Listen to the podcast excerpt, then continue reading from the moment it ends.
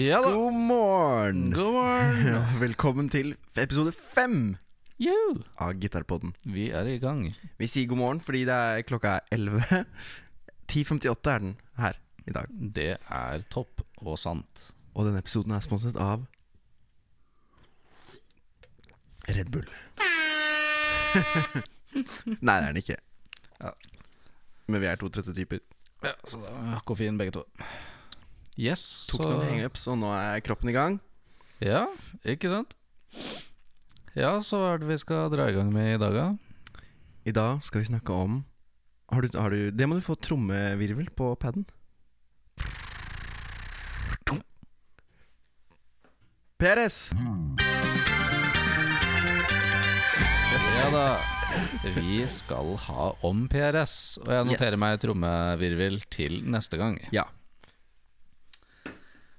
Ja, så eh, vi har eh, besøkt eh, Fender, og vi har besøkt Gibson. Så nå begynner vi liksom å Ikke bare på liksom, men på ekte. Nå begynner vi på ekte å eh, utforske disse andre konkurrentene til, til i hvert fall de to desidert største, da. Mm. Et merke som kanskje befinner seg et sted sånn godt i midten, som uten å avsløre for mye om backstoryen som vi skal få presentert etter hvert, har tatt på en måte litt the best of both Mm. worlds for å kunne dekke behovet til musikerne ute på markedet. Fordi veien dit var ikke så lett, tydeligvis. Nei, Men uh, han, han Paul kom seg dit til slutt. han kom seg dit. Han Ja. Paul Reed Smith, Mm, som det heter. Og det her er jo veldig um, Veldig allsidige gitarer, da. absolutt. Hvert fall, altså Du kan jo få tak i en gitar for alle mulige uh, stilarter og sjangre og fasonger og utseender og Yes. Nei, jeg holdt på å si mitt nå sitter vi her med til din PRS. Ja, ikke sant. Mitt forhold til eh, PRS er jo at uh, jeg hadde alltid lyst på en PRS. Jeg vet egentlig ikke helt uh, hvorfor. Jeg husker at uh, min far, som eh, altså er eh, musiker, spilte gitar og kjente musikere og, og diverse og sånt. Og da var det liksom the word of mouth var jo at PRS var eh, skikkelig Ferrari eh, av, eh, av gitar, liksom. Ordentlig bra bygde saker, og så ser de vanvittig flott ut, syns jeg i hvert fall. Mm, Ja, det gjør jo det. Jeg har mange kollegaer som ikke er enige, men uh, smaken er som baken, heldigvis. Den er ganske delt. uh, hvis ikke, så burde du oppsøke en lege. Uh, ikke sant. Nei, så Nei, men jeg fikk det for meg, i hvert fall. da Og så har jeg jo prøvd et par PRS-er og sett et par PRS-er sånn opp igjennom som jeg aldri har hatt råd til. Mm. Custom 24 og Custom 22 og sånt begynner et sted rundt sånn 36 til 39. Nyprisen Ja. Nyprisen på den jeg holder i henne her, originalkvitteringa på den fra 2014, året den er produsert i, kosta 39 990. Og jeg har kjøpt den brukt for eh, 21 000 svenske. Oi. Så da tapte jeg bare en tusenlapp eller noe på det, så det var ganske lik kurs, egentlig. Så da dro jeg til Stockholm etter å ha spart opp i et halvt år. Da jeg begynte min, Ja, eh, sant mitt første halvår som eh, musikklærer Ja. på en musikkskole. Så sparte jeg opp uh, penger. Hadde jo ingen andre utgifter på den tiden. Um, og så kjøpte jeg denne gitaren her. Så det er mitt forhold til PRS. da Så Hvilken modell er det? Dette er en Custom 24. Custom 24. Ikke sant Så du ser liksom sånn Det er også sånn fun fact ikke mange vet om eh, Eller sånn PRS-interesserte vet dette her, da, men eh, eh, det er jo forskjellige fugler oppover hele gripebrettet. Det er ikke den Mm. samme fuglen. Noen tror at det kanskje bare er en type fugl som roterer seg, eller er i et Ja, stup, eller et eller annet. Men det er helt forskjellige fugletyper. Jeg husker ikke om det Ah, var det at mo jeg husker ikke om moren hans var sånn hobbyornitolog eller uh, drev med fugletitting eller et eller annet, da, Ja. men det er et eller annet personlig da for Paul Reed Smith. Så det er forskjellige typer fugler her. Jeg lurer på om uh, Skal vi se, det her for eksempel, på niende bånd tror jeg er en svale. Ja, det ser jo litt sånn ut. Uh, Med sånn splitta hale, og så en kolibri eller noe sånt. Ja. Eller kanskje en disse som er, Og så er det i hvert fall en ugle på 24. bånd. Ah, Så det ser er ut som liksom en ørn på tolvte, eller noe sånt noe. Ja, det kan nok uh, stemme. Men i hvert fall det er forskjellige fugletyper oppover hele veien. Så med en gang du ser at det er den der lille ugla helt øverst der, sånn, så kan du skjønne ganske raskt at det er en med 24 bånd. Så står det vanligvis oh, ja. også på her sånn. da. Ja, det er derfor det er Custom 24. Mm. For den har 24 bånd. Det er ganske Ja. høyt. Så det visste jeg ikke. Jeg trodde jo, som du sa, at det bare var eh, Jeg har ikke sett så mye Lagt, mer, lagt mer, mye merke til det. Men det er jo Jeg ser det jo nå.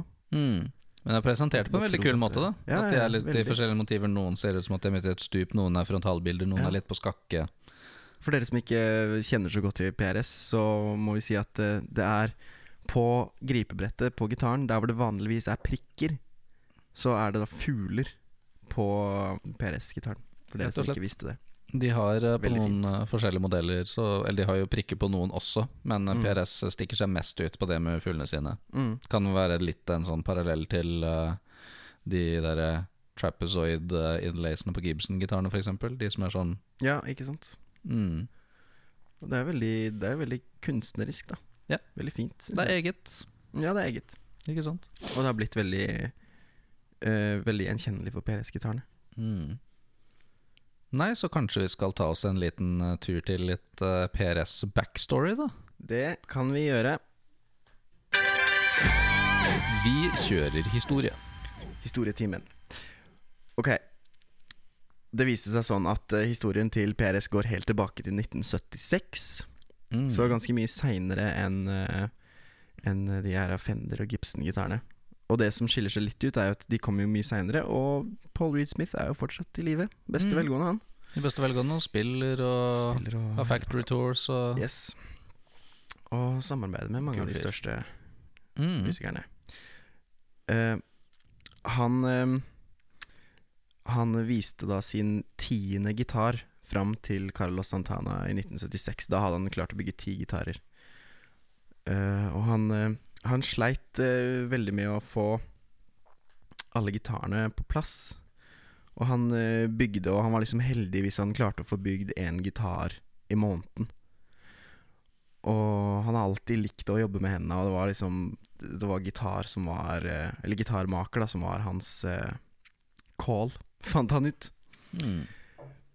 Og så fort en gitar var ferdig, så tok han med og spilte konsert med den og testa den. Feel-testa den, da. På, på ordentlig. Og, og hver gang så lærte han noe nytt av det å lage Og hva, som treng, hva han trengte å endre på, hva som var bra, og, og sånne ting. Over ti år så gikk de gjennom tre forskjellige headstocks. Mm. Og masse forskjellige kroppsfasonger og tremolo-design. Et, et tremolo som egentlig er vibarm. Mm. Em, og mange eksperimenter med tre og konstruksjonsmetoder og for å liksom få den perfekte miksen, da. Og han pleide å, å henge rundt de lokale konsertarenaene der han bodde, i sånn seks-syv timer for å bli venner med roadiene. Det her står altså på PRS sin hjemmeside, så det kan dere lese hvis dere vil. Mm. Og da når han fikk tak i et backstage pass, pass faktisk, backstage pass, så tok han med gitarene opp til de stjernene som skulle spille. Og det jeg nevnte helt i starten, var uh, at han klarte, for, han klarte å få den tiende gitaren til å vise, å vise til Santana. Da. Mm. Og blant annet ja, Santana, Aldi Miola, Howard Lessie og andre kjente spillere. De sjekka, sjekka gitaren ut, og han gjorde av og til eh, avtaler. K- Klarte å selge noen av og til. Og han her var en ærlig, ærlig fyr. Han er, er, virker som han er det den, gang i dag, den dag i dag også, men han var det da. Han var såpass ærlig at hvis han fikk inn en bestilling øh, eller et øh, depositum, og de ikke likte gitaren, så ga han det tilbake, selv om det gjorde at han ikke klarte å betale husleia neste dag. Shit. Så han var eh, veldig Virker som en bra Ikke bare Det er dårlig for businessen, da, men eh, Ja, ja, men de gjør jo ryktet liksom til ryktet hans og ryktet til gitarene. Ja, absolutt. Han vet jo, visste jo vel og godt uh, hvor hard konkurransen var med de allerede etablerte merkene som hadde vært på banen i 25.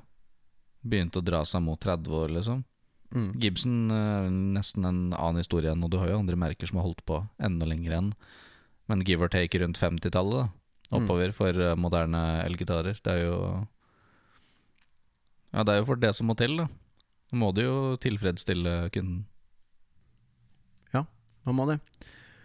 Og litt videre, tidlig på 80-tallet, så lagde han eh, sin første gitar med carved maple top. Yeah. Og det er jo den, eh, noe av det de er kjent for, å ha den litt bøyde, Mm. den buede toppen. Ja, at den er litt sånn høyest i midten der hvor uh, pickupen og vib-systemet og sitter, mens ut mot kantene så får du en fin sånn fiolinaktig uh, Ja, dipp. Det er nydelig. det er veldig fint. Kjempefint. Og sammen med de bird inlaysa, så Mm. var det uh, noe som kom til å bli synonymt med PRS-gitarer fra 1985. Mm. Og den toppen som var lagd av Curly Maple, det kom faktisk fra en venn sitt klesskap. Det står i den 1001 gitarboka. Mm. Ja, ja, jeg så det. Ja. A Friend's Dresser. Og det er ganske, det er ganske kult. Og den var egentlig Den første PRS-gitaren med lønn var egentlig originalt lagd for en lokal musiker. Men eh, Paul, altså Paul Reed Smith, PRS himself, Mm. han kjøpte den tilbake og solgte den for 2000 til Hearts sin gitarist Howard Lessie, mm. som da døpte den til Golden Eagle. Ikke sant. Og det er jo en kjent eh, PRS-modell. Golden Eagle. Nei, det er Modern Eagle, tror jeg. Som er, Modern Eagle er det ja, kanskje Men det er sikkert henta fra den uh, Ja, Fra den uh, første, da. Inspirert av Golden Eagle til å bare liksom Den moderne tolkningen av Eagle. Mm. Og så tok da uh, Paul med et bilde av den gitaren og viste det til Santana seinere i 1980. Mm. Og til slutt så fikk han da landa en deal med Santana, som var hans helt. Ikke sant. en av hans helter. Som også er vel fort en av de Eller den, sikkert den lengstgående PRS-artisten av dem alle. Ja, det er Han, det jeg, jeg lurer også på om Dave Grissom, han som står bak DGT, Mhm. uh, signaturgitaren, han også har vært en av de artistene som har spilt lengst på PRS, men Dave Grissom fikk ikke en egen custom eh, signaturmodell før i 2007, eller noe, tror jeg. Oh, ja, så sent. Kom ganske seint, det. Sto, sto et eller annet sted der i boka. Santana er i hvert fall den mest profilerte PRS-gitaristen. Desidert. Mm. Jeg tenker jo Santana synonymt med PRS den dag i dag. Ja, det har jo blitt det. Men fra si Woodstock eh, spillinga, men eh, Ja, ikke sant. Nei, men fra Woodstock-dagene hans og sånt, og folk som har fulgt han fra tidligere, de husker jo å ha sett han med andre gitar igjen. Han har jo spilt Mm. med en Yamaha-type SG, faktisk. Ja, han var borti noen stratter og sånt også. Mm, noen stratter og sånt også, så mye SG junior. Ja. Da han spilte på Woodstock i 69, Ja, så uh, spilte han på en, uh, på en Gibson SG junior, som vi har pratet om ja, det har vi gjort. Jeg tror faktisk vi nevnte det i SG-episoden også. Uh, ja, det Mm. kan hende. Og det som er eh, med den Santana-gitaren, den har to pickups av eh, Seymour Duncan. En modifisert Stars Guitars Messing Bridge. Mm. En rollernut. Og Daniel, hva er spesielt med en rollernut? Uh, rollernut, eh, for dere som ikke kjenner til det, det er en type oversadel uh, på toppen av gitarhalsen der du har Det fins litt forskjellige patenter på det, men Fender sin, i hvert fall, eh, Fender sin LSR rollernut, det er eh, to kuler som sitter inne i strengesporet, og så ligger strengen da mellom disse to kulene. Og det det skal gjøre, er at når du på en måte F.eks. hvis du diver langt ned, eller hvis du bruker vibrato eh, eller vibarmen mye, Så skal- mye. sant, så skal strengen få hjelp av kulene til å gli fram og tilbake. Mm. Fordi det er jo friksjon som er problemet Mm. når du bruker vanlig vibbarm. Ikke sant? Det er derfor du har sånne ting som blyanttriks og, mm. og, og sånn og sånn nøttsås og sånt. Oljer og Ja. sånt for å liksom få det til å bli smooth. Det er jo fordi at det blir fort veldig grovt nedi sporet der over tid. Ikke Ja. sant? Mens når du har kuler som hjelper med å rulle fram og tilbake, så er du sikker på at strengen skal kunne finne tilbake til utgangsposisjonen når du ikke bruker vibbarmen. Ja, ikke sant. Så på Jeff Beck for eksempel sin eh, signaturmodell, den har fortsatt roller nuts. Ja, Husker jeg. Han bruker vibbarmen sin veldig aktivt, så jeg tror eh, ja han for hans del, eh, også på et Fendi-system, så er det eh, sikkert en ganske et godt tilskudd.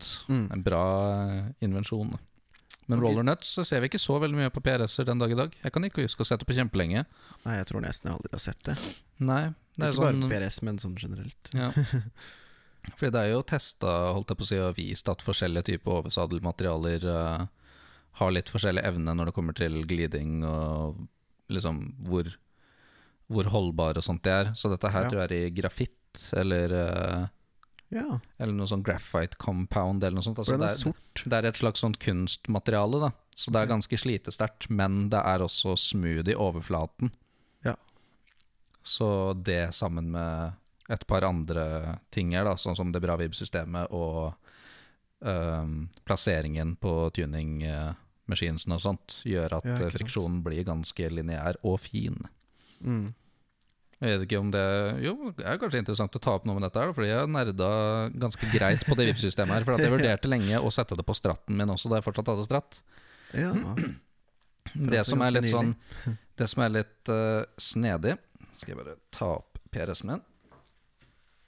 Ja. Det som er litt sånn finfint her, sånn, det er at de seks skruene som står her nede, Ja. de er faktisk knife edge. De seks skruene som er helt i bånn Mm. av eh, bridgen og holder den på plass. Yep. Så på ditt uh, vib-system som er sånn to, uh, To punkt. to punkts, da har du sett at det er, en sånn det er et lite hakk på en måte inn der hvor skinnet, eller det sporet i den her treffer. Ja, det er to Altså- skruer som står, og Ja, bridgen er liksom Ja, ja, eller det er, to, det er to skruer som er skrudd ned, og i stammen på skruen så er det et hakk innover. mm. som den driver og hviler på. Ja. Det er det også her, på hvert, hvert, hver eneste streng. Ok. Individuelt. Mm, knife edge er en sånn egen patent. Det betyr rett og slett at kanten som den hviler på, har et lite sånn hakk innover. Istedenfor å være en hel skrue, så er okay. det et, et tynt, tynt sted, liksom, eller kontakt, eh, kontaktpunkt da, på skruen. Ja. Og det gjør også at det blir ganske sånn Ganske sånn Precis, myk og fluktig tremolo. Jeg vet ikke om man liksom hører, men Ja. bare man rører så vidt. Ja. Rører så vidt, liksom. Nå er du nesten ikke borti. Kjempeekspressivt eh, system. Ja.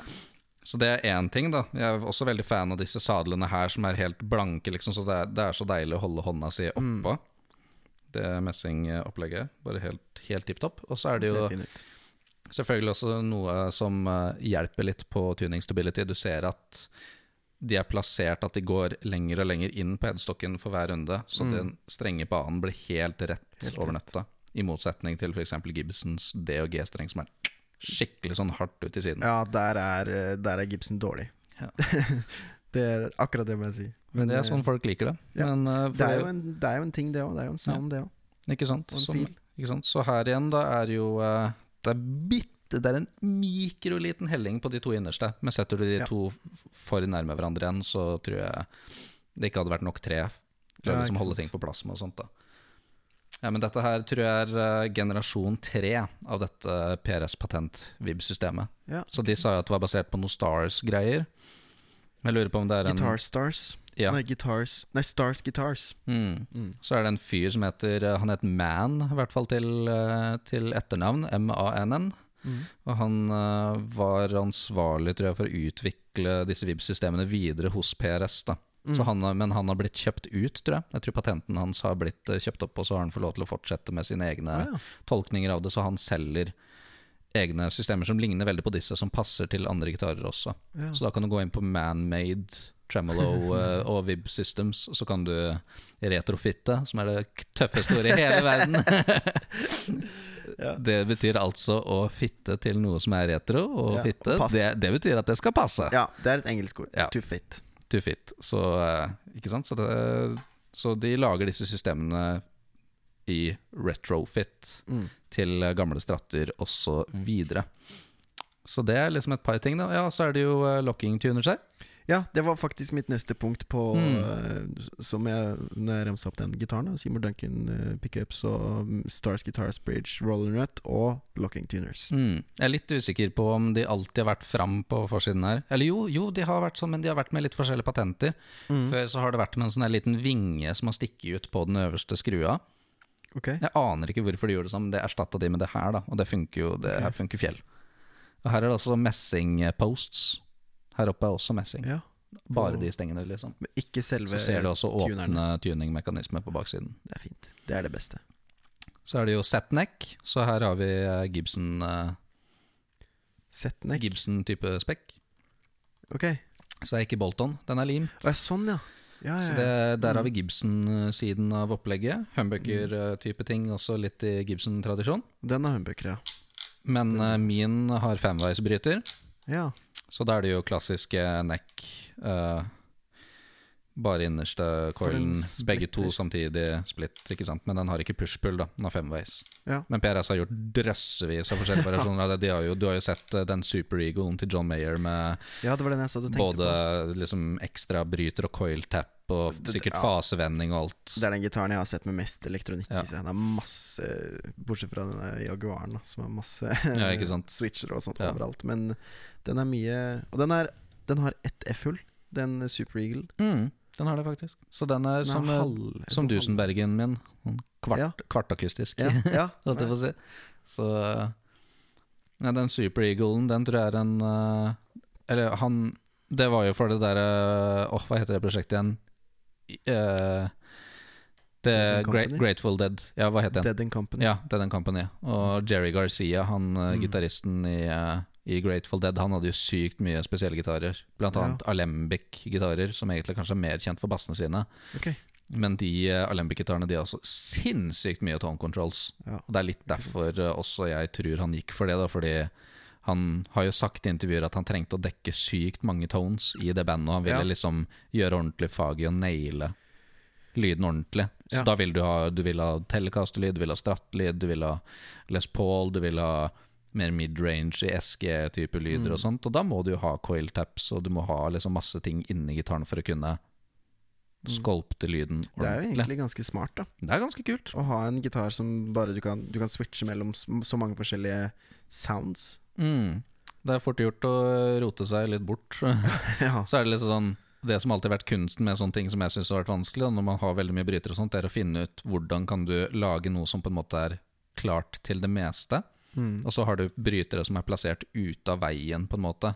Mm. Uh, eller som ikke kommer i veien for de vanlige posisjonene du bruker. La oss si at en femveisbryter er din go-to på daglig basis. Mm. Så har du to brytere til nedi her sånn. Ja. Det er ikke noe farlig. Men hvis det hadde vært sånn at alt var bakt inni her, inni en Ja. sånn at det hadde blitt en 13-veisbryter eller 11-veis, eller et er eller annet sånt, da hadde det blitt uh, Da må du huske mange posisjoner, da. Ikke sant. Ja. Så det er, det er veldig mange takes på akkurat det opplegget der, da. Men Mm. eh, PRS sine mest populære ting, det er jo femveisbryter. Og så hadde de en sånn rotorbryter før, Ja. som var sånn seks posisjoner med, et, med en sånn type knobb. Sånn så klikk, klikk, klikk, klikk. ja, klikk. sant. Ubrukelig. jeg synes det er helt forferdelig. Jeg har prøvd å spille på et par sånne gitarer, og det er så fælt å bytte posisjoner på en sånn. Men nå har de jo sånn du kan trykke nobsa inn, og så switche Eller dra den ut, og så switcher den Ja, ja, ja. pickups, og så Ja, pushpull, og det kan du rute til Ja. forskjellige ting om så der, og liksom Ja, ikke sant. Du kan bruke pushpull og- til å bypasse f.eks. neckpickupen, så du kjører rett fra bridgen og ut, og da blir Ja. i den mye høyere også. Ja. Det er litt sånn som det er på noen sånne S1-stratter og USA-stratter og sånt. Eller så kunne du ha fasevendt den pickupen for å få that BB King tone, eller uh, ja. noe sånt. Så har du ting hvor du kan eh, split coil Nei, coil-splitte og mm, Så hvis du har en humbucker, så kan du eh, splitte den til at det bare er en single coil. Ikke sant. Så, Så i, sånn sett kan du få mange sounder. så i denne her har de gjort det på en måte, da, med at du har det i mellomposisjonene. Ja. på femveisbryteren, mens på modeller som DGT-en f.eks. Han Dave Mm. Grissom-fyren Jeg tror Lars, Lars Håvard Haugen spiller på en DGT. mm. Kanskje til og med to. Jeg tror jeg har sett han med flere. Eh, den, tror jeg, på, den tror jeg vanlig. Den er vanlig treveis her nede, Mm. for å være som en vanlig Les og så er det push-pull på både volum og tone, tror jeg. Ja. Så da har han liksom PRS-mulighetene med coil split, men utgangspunktet er at hans go-to på bryteren er som en Les Paul. Ja. Så det, de har gjort mange varianter av det. Og så har de de variantene som har piezo-system og sånt. Og da er det også ofte sånne ekstra brytere, to stykker som ligger nede i bånden. Mm. Sånn, så PRS føler jeg litt sånn Det er- veldig allsidige instrumenter. Ja. Men det er ikke alle som liker det. Noen syns, eller Mange syns at de har liksom en egen sånn type voice som De er litt mer eh, brighte. ja, Det er ikke alltid like mye bunn i de, føler jeg, f.eks. som en Les Paul og sånt, men det er alltid hva du skrur sjøl. Men jeg liker å bruke denne gitaren her veldig godt live, Ja. fordi den kan dekke så mange områder på på én ting. Men, P, men en fint, P90-kvalitet, f.eks., det føler jeg ikke at jeg får ut her. Så den og Dusenbergen, selv om de på en måte har begge to vib-system og er ganske hot rod, holdt jeg på å si begge to, og, Mm. og sånn, så føler jeg de dekker helt forskjellige behov. Ja. Den gitaren her er jeg veldig glad i å ha med i studio. Ja. Nå som jeg ikke har en stratt, så kan jeg emulere litt stratt-typelyder her ganske nærme. Men det låter fortsatt Mm. ikke helt stratt, men stratt nok for meg. Jeg har jo vært i studio med deg når du har brukt den gitaren der. Den Mm. syns, jeg syns den låter knallbra. Ja. Så er den jo veldig komfortabel å spille på. Ja, det er den. Ligger fint i kroppen og Den er satt opp veldig bra, mm, den du har der. Den uh, På tross av uh, Ja, den ble ødelagt i en bilulykke Ja, i uh, eh, når var dette her igjen, da? I 2017? 20, januar 2017, tror jeg. ja Mm. Jeg skulle hjem fra kveldsforelesning på, på um, PPU-studiet i Horten, og så krasja vi på E18 i eh, rundt sånn 60-70 km i timen eller noe sånt. Og da åpna bagen eh, Det var det første jeg tenkte. det liksom sånn, eh, Du har vært i en bilkrasj? og så hadde Ja, vi, bilen spant jo sånn sidelengs, ikke over på taket, da, men sidelengs og greier, og vi traff jo autovernet til slutt, og litt sånn greier, og det røyk jo, og det var airbager og tinnitus til helvete. Og, Var det sånn Nei. det var på film?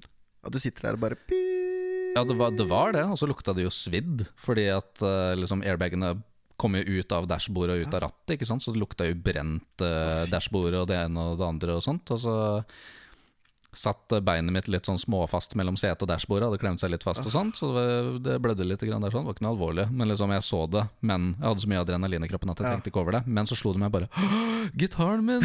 Ligger en monobag i baksetet! Og så løper jeg bak, vet du, løper ut i hust og hast, og så lukker jeg opp, og så lukker jeg opp bagen, og så ser jeg det ligger der da sånn flekker av lakken fra halsen, og det ligger trefliser og sånt inni der, og så ser jeg at halsen er brukket.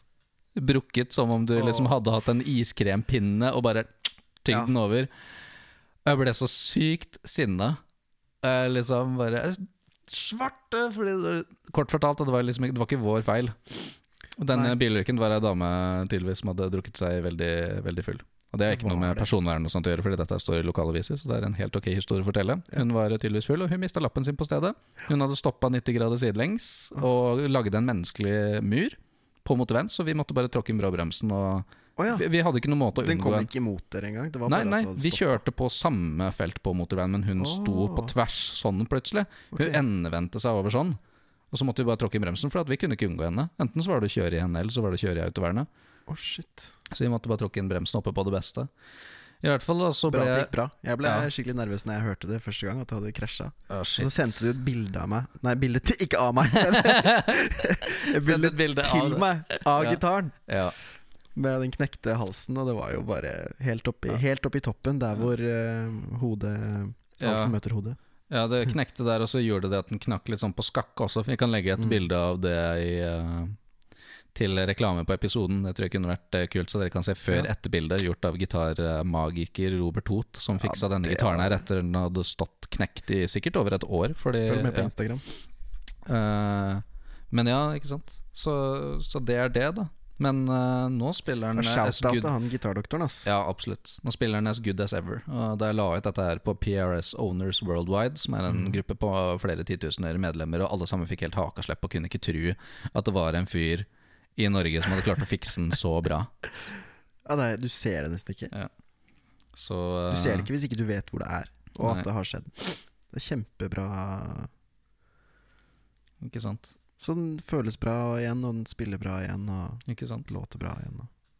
Nei, så Det er et veldig allsidig instrument, men uh, jeg vet ikke, hva er det du egentlig assosierer med PRS sånn utenom, eh, utenom John Mayer? Du, du tenker for John Mayer både med Super Eagle og med, nå med Silver Sky, men er, Ja. sånn sjangermessig og stilmessig, hva som- tenker du egentlig? Um, jeg har egentlig ikke så mye erfaring med Med PRS, sånn, sånn hands on. Uh, men jeg føler at det er litt mer uh, Jeg vet ikke om jeg kan bruke ordet flinkest gitar. men det, den er jo en gitar for veldig mye Veldig mye forskjellig. Mm. Så det er jo Jeg har litt inntrykk av at det er en sånn session-gitar. Ja. Som du bare kan ta med i en studiojobb eller på en, en session-gig. Og så trenger du det, ok, jeg fikser det. Trenger du det, ok. Stille inn på litt mye forskjellige ting, da. Mm. Men sånn sjanger, med, sjangermessig, liksom, har du noe forhold, eller kjenner du til noen særlige artister egentlig utenom de nevnte? Nei, jeg gjør egentlig ikke det, altså. Så der er det veldig åpent for min del. Jeg har Ja. mye å lære av å, av å lage podkastepisode om PRS, Ja, ikke sant? faktisk. Nei, jeg føler jo sånn personlig at kanskje i starten, da Men det er også fordi at de sjangrene fantes ikke, eller var liksom ikke på samme type måten. Da. Men jeg føler at PRS og Music Man, når det kommer til sånn Ja. prog-rock og fusion og litt mer sånn moderne sånn shredde-ting, Mm. at Music Man, PRS og f.eks. Sur, Ja. eller noe sånt, at de er litt sånn i samme område. Mm. Uh, sånn, Det kan jeg være sånn, hyb i- eh, sånn hybrid mellom vintage og moderne ting. Men det er den derre ja. er der blodteite, lett krisp tonen og Mm. uh, slide vibrato og de tingene der, og sweeping og det ene og det andre, liksom. Jeg føler Det har blitt en veldig sånn contemporary flinkis-gitar. Men jeg tenker Ja. også litt flinkis, men det er også sikkert fordi gitarene er veldig dyre. Ja. Men uh, de har jo de indonesisk produserte eh, PRS SE-serien og sånt, da som er litt Mm. mer sånn entry level-ting. Men han ene gitaristen i Periphery for eksempel, spiller jo på PRS. Du har folka Ja. i Opeth, som er ganske hardt uh, prog-rock og prog-metal-band. De gutta bruker PRS. Mm. For jeg har liksom et inntrykk av at selv om de kanskje Jeg er litt enig med det der at de ligger på samme PRS og Music Man og, ja, og Sir og sånt. Men jeg føler likevel at PRS er litt mer all around enn de andre, da. Ja.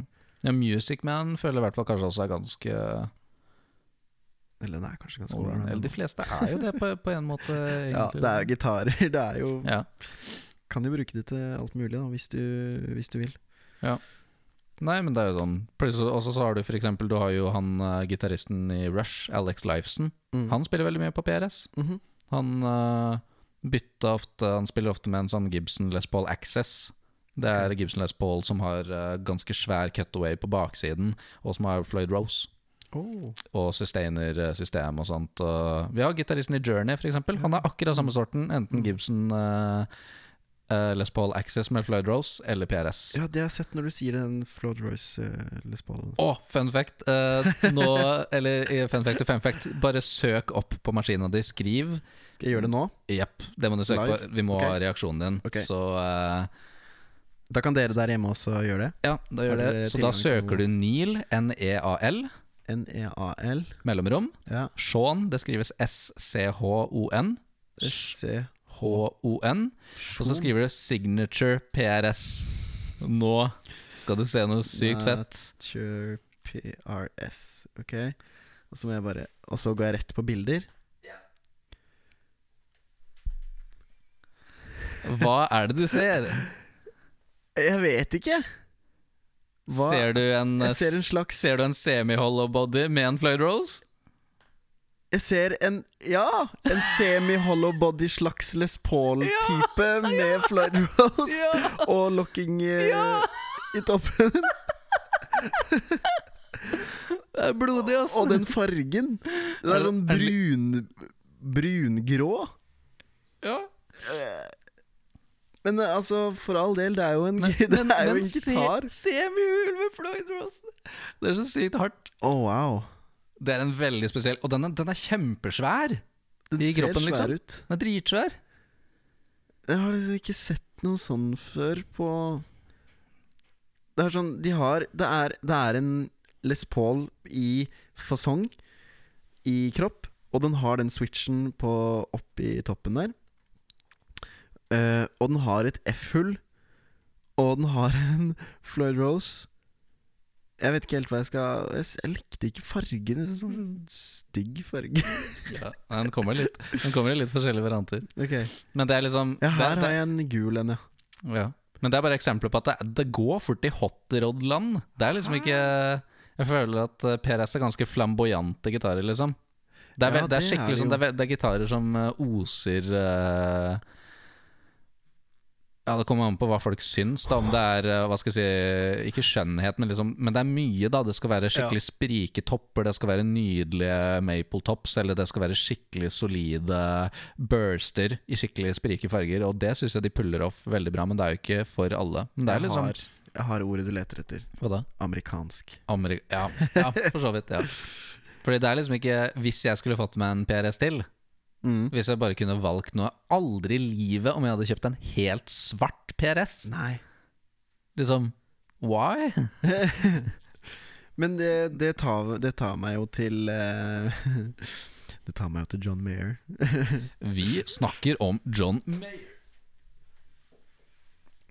Ok, nå Hvem er, vi inne på? Mitt, nå er vi inne på mitt territorium. Ja. Ehm, jeg er han som kan eh, finne Jeg, jeg kan ta, ta opp John Mayer i hver eneste Episode. episode på en eller annen måte. Du snakker om en uh, Flying V, og du bare Ja, snakker om humbuckere. Visste du at Ja. John Mayer spiller på humbuckere? Han har blitt observert med en eske. Uh, men uh, det, det er egentlig Nå er det faktisk relevant. Det er faktisk veldig relevant. Mm.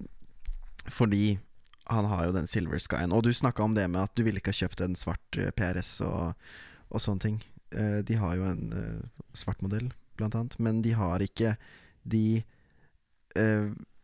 Den trelakken du ser på den gitaren du har. Mm. At det er gjennomsiktig lakk. Blå, fin, veldig, veldig fin blåfarge og veldig fin gjennomsiktig. Du ser treverket. Mm. Men det gjør det ikke på de nye mm, PRS-gitarene. Vi har jo vært innom det på en tidligere episode også. Hvilke nyere PRS-gitarer, da? Eh, Silver Skyene, mener jeg. Ja, Silver Skyene, ikke sant. Men de er For jo det er jo hans modeller. Ikke sant, men det er, litt, det er en litt annen gate igjen, da, fordi selv om Tenker jeg, da, at selv om eh, det er eh, et tradisjonelt design tolka på en litt ny måte, Mm. så er det allikevel noen ting der som liksom er bare Sånn gjør vi det bare.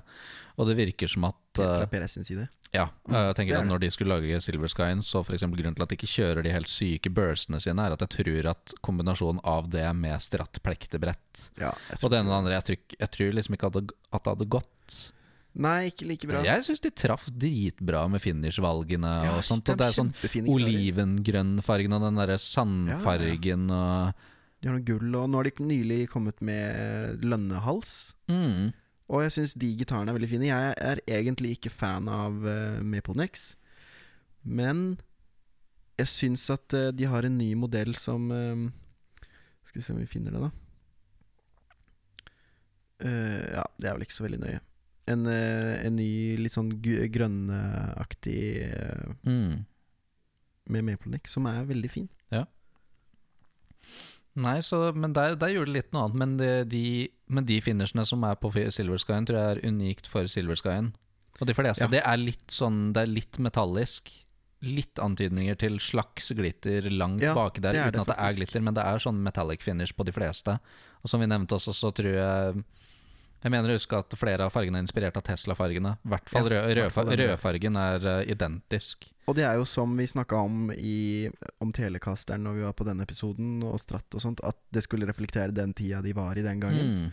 Med både navn og finish og alt sånt. Så er jo også den nye Silver Sky-modellen skal reflektere den tida vi er i nå, da. Mm. Med eh, at det skal være se fint og enkelt ut. Og ikke for mye Ja, det, det er slikt og Ja. fint design. Det, det, er veldig, det er veldig plaint, og så skal de Mm. gjøre det Stratten gjør, men de har ut fra sine liksom, preferanser og sånt valgt å justere litt på de tingene som, Ja. som, som gjelder der, da, om så det er eh, eh, halsprofil Selvfølgelig uh, skalelengden på PRS er midt imellom Fender og Gibson. Mm. Um, Jeg tror på den. Vib-systemet. 13, 14, 15, 16, 17, 18, 19, 20, 21 22 bånd har den. Ja, ikke sant. Så Og Ikke den sant. har den Men det er- truss rod-justering oppå hodet. Ja. Eh, og den har eh, Headstocken er litt annerledes, da. De har tatt eh, eh, Tatt litt fra stratten med at de har den der bøyen mm, på hodet. Den har de skyvd litt lenger ut. Den er på PRS-en også, men de har bare skyvd den litt lenger ut for å gjøre mer stratt likt. Ja. Og så har de tatt den, den bua som er helt i toppen, har dere tatt andre vei. Sånn at den høye delen av bua er på undersida, som du ser på hodet der. mm. Ja. Så har de mange fine finisher og Ja. Nei, det er i hvert fall sånn PRS, da, sånn som med alt annet, så er det jo elsket og hatet. Mm. Um, PRS og Gibson har kanskje nok symbolisk eh, Symbolisk, faktisk. Symbolsk eh, pondus eh, Ja. og respekt, liksom sånn gitarhistorisk messig, at det er ikke så veldig mange som liker å, å, å kødde med det, akkurat. Men Nei. eh, PRS føler jeg har litt sånn eh, enten-eller. Man får ikke så veldig mye ut av å diskutere med det, i og med at vi bare, bare vi to sitter her. Men jeg syns det er litt sånn Ja. interessant, fordi eh, eh, Men ja. Det, det er ikke så lett å snuble over PRS-ene. Vi har jo bare sånn Det er jo et par liksom her til byen som kjører de der Deluxe Music, for eksempel, er de som er de som forhandler flest kvanta av de gitarene, Mm. men folk, folk burde prøve, fordi jeg syns uh, Ja, like så vel som du burde være innom både Fender, Gibson, Music Man, uh, PRS. også. Mm. Til dels Ibanez også, liksom. Det kommer an på preferanse, men det er jo all, alle merkene tilbyr kjempeallsidige gitarer. Ja, De gjør det. Så, og nå som det fins de Korea-tingene som er eh, Korea og Indonesia, tror jeg, som er SE-serien, den billige serien under her igjen, som også kan, være ganske bra gitarer. Ja. Så ja. For det de har av uh, serier, er det er Core, Bolton, S2, SE og Private Stock. Ja. S2 er Korea, tror jeg, mens SE er Indonesia. Ja. Core, det er eh, de custom 22 og 24 og de tingene der, liksom. Det er, det er ordentlig USA-standard på en måte for dem. Ja. Og så kommer private stock, da, som er en helt annen historie. Det kunne vært en spesialepisode om. I private stock så er det liksom sånn, da kan du Å, fytt, jeg er inne på nettsida Ja. her nå. Det er, det er ganske dyre saker. Altså. Da snakker vi fort om gitarer opp i 60 70 80 000. Du kan, sånn som en Custom Shop, du kan bestille fra bånn av og velge, velge din egen topp, og det, alt som skjer med treverk og sånt, det blir lagra på helt spesielle lager. Og Paul selv er jo jevnt og trutt, trutt innom liksom, og plukker ut eksemplarer og skal liksom finne de toppene Ja. som matcher hverandre best. Og Jeg ser det er Jeg er inne på sida her igjen og ser bilder av Det første som poppa opp, var The New Private Stock Dragon. Ja. Det er altså da en De har På halsen så er det en, en drage. mm. I stedet for bird inlays så er det en drage som krabber oppover halsen halsen og spruter ild. Ja, Det er helt den, sykt. den Dragon-greia har de holdt på med lenge. Jeg husker ikke hvor mange utgaver det finnes av den, men det, det, er en del, det er blitt en del av de nå. Fire, si- fire eller noe sånt. Si hva man vil, men det det er jo kunst, da. Det er jo det. Det er helt sykt. Det er jo noen, som sitter, det er jo noen som sitter og lager det. Ja. Jeg personlig tror jeg ikke ville kjøpt eh, eller Ikke hatt noe sånt, men samtidig, det er jo anerkjenner eh, arbeidet. mm, Og det, er noe, det er ikke noe maskin som bare pop, stempler inn det der. Nei, og du ser liksom at det, det er så mange blandinger av forskjellige sånne inlay-materialer. Og det syns jeg også er veldig viktig at uh, når det kommer til gitarer, at man kan si hva man vil om ah, 'den er stygg', og den er, 'jeg ville ikke kjøpt den', men uh, det er faktisk noen som har laga det her, da, Mm. og bruker det. Og Anerkjenne godt håndverk. ja, det er Eller, og god innovasjon. Og god innovasjon. Det gjelder jo Mm. den uh, signaturgitaren som vi kikka på til Neil uh, Nilsson. Ja. Den uh, Ja. Det er et håndverk. Det er jo det er bra laga, liksom. Det er bra gitarer. Er Kom, kom opp med noe nytt, liksom. Det er jo Ja. kult. Det er jo ikke så lett å finne opp hjulet på nytt ennå. Nei, det er ikke det. Se for eksempel eh, Snakker om inlays. Denne utgaven her Mm. har også Vanligvis er de bird inlaysene helt plain Ja. perlemor. Mm. Men her ser du at den er fylt med noe sånt brunt eh, inni. Det er den. Så jeg, hus jeg husker ikke Jeg tror kanskje det er det som var liksom nytt for disse her, fordi PRS eh, Custom 24-serien ble redesigna. Det er første gangen de liksom ble levert med vanlig five-way uten den der rotor-pickup-switchen og sånt. Mm. Så dette her var liksom første opplaget av disse nye. Eh, det er da med sånne type innlays, og det tror jeg liksom er litt sånn vekselsvis. da At noen modeller har alle, De fleste har birdsa, Mm. eller til og med halvmåner, faktisk. Ja, eller, eller vanlige runde prikker, men at inni Som- den runde prikken så ser du en måne Ja. også. Det er på Dave Grissom-Trem-varianten, blant annet. Um, og at de kommer med forskjellige liksom, varianter der, da. Men, eh, så man kunne jo prate om de eh, estetiske tingene. Jeg syns PRS er veldig flink til å få gitarene sine til å se fine ut. Ja, og så er spiller de bra. Og med det så Nå har vi kanskje nådd uh, Ja. veis ende for denne episoden. Vi kunne prata masse mer om dette her. Ja, vi kunne. Og det skal ikke se bort ifra at vi får et uh, gjensyn med PRS-siden. Det gjør vi helt sikkert. Hele økosystemet som er kalt elgitar og gitar henger jo sammen, så det blir mye intern name-dropping av modeller og Ja, det gjør det. ikke sant. Så det, til det blir fort en greie, men Mm. ja.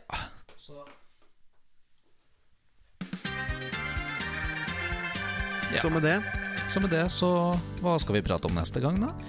Jeg sitter og lurer litt på at vi kanskje skal ta for oss uh, Ibanez. Ah, Ibanez kunne vært fint. Det er jo et kjent og kjært firma med egentlig en ganske lang historie. Ja, okay. Det har holdt på helt siden, siden 70-tallet. Kanskje til og med med tidligere opprinnelse enn det. Men da sier vi det. Ja. Ibanez. Ibanez neste gang. Vi skal til Japan. Snakes.